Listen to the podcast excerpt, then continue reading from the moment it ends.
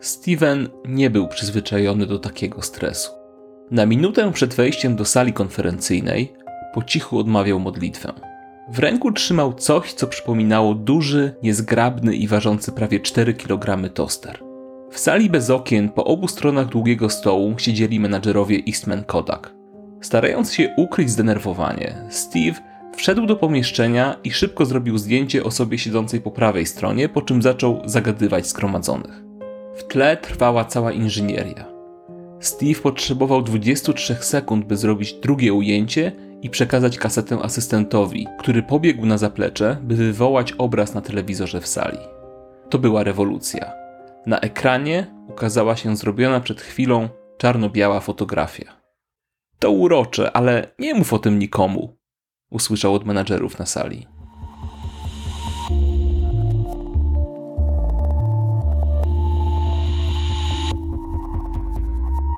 Nazywam się Andrzej Skasko i zapraszam do wysłuchania podcastu, w którym usłyszycie historie osób, które stały na czele ruchów społecznych, tworzyły przełomowe rozwiązania, osiągały nietuzinkowe rezultaty biznesowe. Historie te opowiedziane są z perspektywy pojedynczych minut, które zadecydowały o ich wielkim sukcesie lub o sromotnej porażce. Opowieści te konfrontuję z własnym doświadczeniem, tworząc przestrzeń do refleksji oraz inspirując do podejmowania nowych wyzwań. The Eastman Kodak Company została założona w 1888 roku przez George'a Eastmana. Twórca firmy postawił sobie za cel uczynienie fotografii łatwej i dostępnej finansowo dla przeciętnego klienta. Kodak szybko zrewolucjonizował branżę, stając się najbardziej znaną marką w świecie fotografii. Przenośne i niedrogie aparaty Kodaka zagościły w każdym gospodarstwie domowym. Kodak był innowacyjny nie tylko w zakresie technologii, ale również w zakresie organizacji pracy. Firma wprowadziła masową produkcję na skalę międzynarodową, zarządzała olbrzymimi budżetami reklamowymi i była silnie zorientowana na klienta. Eastman stawiał na prace badawczo-rozwojowe, uczciwe traktowanie pracowników oraz reinwestowanie zysków w rozwój biznesu. Założyciel mocno zaangażował się również w działalność filantropijną, firmie służył aż do 1932 roku, gdy cierpiąc na nieuleczalne i niezwykle bolesne problemy z kręgosłupem, zdecydował się odebrać sobie życie. Moja praca została wykonana. Po co czekać? napisał w liście pożegnalnym. Po jego śmierci nastąpiło szereg zmian w kierownictwie firmy. W 1972 roku prezesem został Walter Fallon, który w trakcie swojej kadencji wielokrotnie zwiększył przychody firmy. W 1976 roku dyrektorem generalnym dywizji fotograficznej został Colby Chandler, by w następnym roku zastąpić Falona na stanowisku prezesa. W tym czasie Steve Sasson dorastał na Brooklynie w Nowym Jorku. Od najmłodszych lat pasjonował się elektroniką i nowymi technologiami. Był ciekawy świata. Uwielbiał wyobrażać sobie rzeczy techniczne, a później wprowadzać wizję w życie. W wieku 13 lat samemu zbudował krótkofalówkę. Po ukończeniu studiów inżynierskich, Sasson dostał pracę w laboratorium badawczym w Eastman Kodak Company. Uwielbiał tę pracę, gdyż, jak sam twierdził, płacili mu za to, co kochał robić. Któregoś dnia jego przełożony Gareth Lloyd zlecił mu znalezienie praktycznego zastosowania dla matrycy CCD. W ciągu roku Sasson uzyskał pełną autonomię do stworzenia aparatu z wykorzystaniem nowej matrycy do rejestracji obrazu. Jego dni przeplatały ekscytacja i trwoga. Nieraz, biorąc poranny prysznic, zadawał sobie pytanie, dlaczego powiedziałem, że zbuduję ten głupi aparat. Jednak dzięki wielkiej determinacji w grudniu 75 roku udało mu się skonstruować prototyp urządzenia, które łączyło obiektyw z kamery filmowej Super 8, 16 baterii niklowo-kadmowych i szereg przetworników.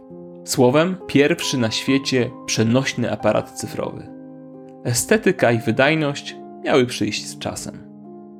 Sasson miał przygotowane slajdy i 60-stronnicowy raport opisujący zawiłości techniczne urządzenia. Sassona spotkało niestety wielkie rozczarowanie. Nikt nie był zainteresowany ani prezentacją, ani tym, w jaki sposób działa jego urządzenie. Wynalezienie aparatu cyfrowego było nie na rękę menadżerom Kodaka. W latach 70. XX wieku Kodak był absolutną potęgą. Kontrolował rynek fotograficzny i filmowy, a z jego produktów korzystali zarówno zawodowcy, jak i amatorzy.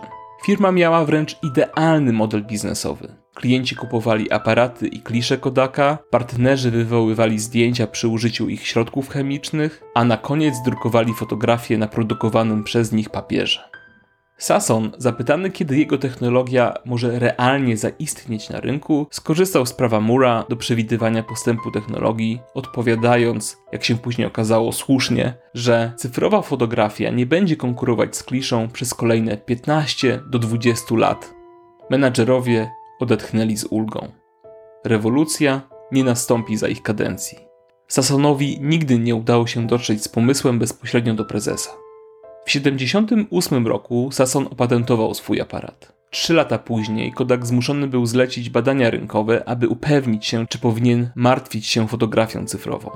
Wyniki badania przyniosły dobre i złe wieści. Złe były takie, że fotografia cyfrowa może potencjalnie wyprzeć ich obecny model biznesowy. Dobra, że Kodak miał około 10 lat na przygotowanie się do zmiany. Mimo to firma nie potraktowała tej sprawy priorytetowo. Sason w wolnym czasie kontynuował pracę nad aparatem cyfrowym, by w 1989 roku ponownie zaprezentować menadżerom ulepszony model urządzenia. Mimo, że minęło już kilkanaście lat od wynalezienia prototypu, w 1989 roku zarząd Kodaka wciąż miał możliwość zmiany kursu. Ówczesny prezes Colby Chandler przechodził właśnie na emeryturę. Spośród dwóch kandydatów na sukcesora, wybór padł na Keya Withmora, który zrobił karierę w Kodaku rozwijając tradycyjny model biznesowy. Jego kontrkandydat Phil Samper, który wierzył w cyfrową rewolucję, nie uzyskał aprobaty kierownictwa. Odszedł z Kodaka, by z powodzeniem wdrażać nowe technologie jako prezes Sun Microsystems. Sam Withmore został zastąpiony kilka lat później przez George'a Fishera, który przyznał w New York Times, że Kodak uważał fotografię cyfrową za wroga mogącego zabić tradycyjny biznes, który przez dziesięciolecia napędzał zyski firmy. Po prawie czterech dekadach od pamiętnej prezentacji i po 131 latach funkcjonowania, Kodak ogłosił upadłość. Przyczyną upadku giganta był rozkwit fotografii cyfrowej. Przez ten czas konkurencja zbudowała przewagę nie do odrobienia. Aparat, który w 1976 roku trzymał w ręku Sason i który mógł sprawić, że Kodak byłby pionierem rewolucji technologicznej, stał się bezpośrednią przyczyną tego, że w 2012 roku firma stanęła na skraju bankructwa. Dopiero w 2004 roku firma zdała sobie sprawę, że kamień milowy w historii Kodaka, który zawdzięczają Sasonowi, może pomóc firmie w budowie wizerunku pioniera fotografii cyfrowej. Stevena zaczęto zapraszać na liczne konferencje i wydarzenia promocyjne. W 2009 roku Barack Obama przyznał Sasonowi Narodowy Medal Technologii i Innowacji. Jednak na sukces Kodaka było już stanowczo za późno. A zatem Jakie były przyczyny porażki Kodaka? Jaką rolę odegrali w niej wynalazca Steven Sasson, a jaką prezesi korporacji?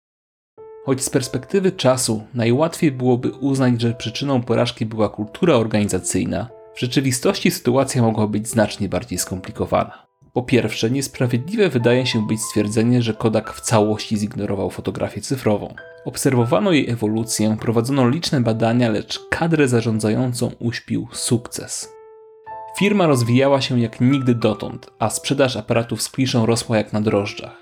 Prezesi chętnie inwestowali w innowacje, jednak wyłącznie w tradycyjnej części biznesu, nie ustawiając właściwych priorytetów na inicjatywy spoza głównego nurtu.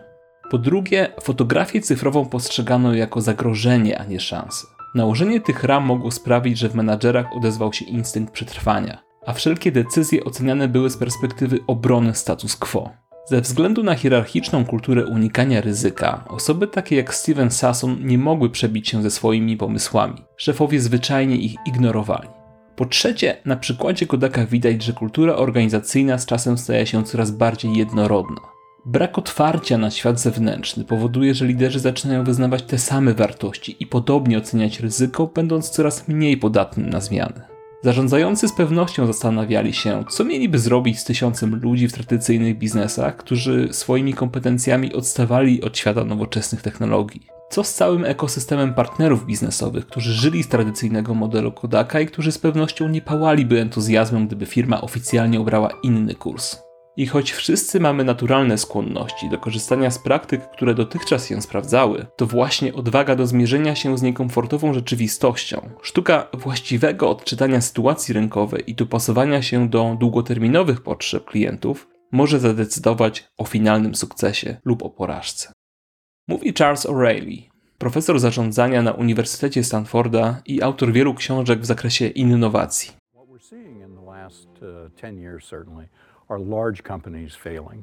W ciągu ostatnich lat widzimy, jak upadają duże firmy, takie jak Kodak, Blockbuster czy Sears. Ale jeśli się nad tym zastanowić, to nie jest to takie oczywiste, dlaczego tak się dzieje. Niektóre firmy są skłonne wydawać pieniądze na nowe pomysły. Problem pojawia się, gdy pomysły te zaczynają dojrzewać i wymagać poważniejszych środków. Wówczas menadżerowie wyższego szczebla, którzy dotychczas promowali innowacje, nagle zdają sobie sprawę, że aby rozwijać nowe pomysły, w rzeczywistości są zmuszeni do poświęcenia części krótkoterminowych zysków. I wtedy wielu prezesów się wycofuje. Kiedy patrzymy na firmy, które upadały, widzimy, że nie zadziało się to z powodu technologii. To była tak naprawdę kwestia przywództwa. Kodak mógł jeszcze zmienić bieg historii jedną decyzją, wybierając Filipa Sampera zamiast Keya Whitmora na prezesa firmy w roku 1989. Postawiono jednak na tradycyjne myślenie, wspierające realizację dotychczasowego, niezwykle dochodowego modelu biznesowego. Przez kolejne lata skutecznie broniono status quo, w dramatyczny sposób przegrywając walkę z konkurentami.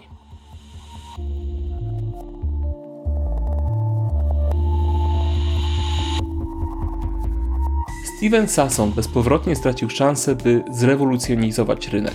Okazję tę miał pracujący kilka tysięcy kilometrów dalej Spencer Silver, który w 1968 roku pracował nad supermocnym klejem w firmie 3M. Niestety jego badania nie przynosiły oczekiwanych rezultatów. Gdyby nie jego kolega Art Fry, który śpiewał w chórze kościelnym, wynalazek nigdy nie zrewolucjonizowałby branży biurowej. Historię tę usłyszycie w następnym odcinku Minuty, która zaklina rzeczywistość.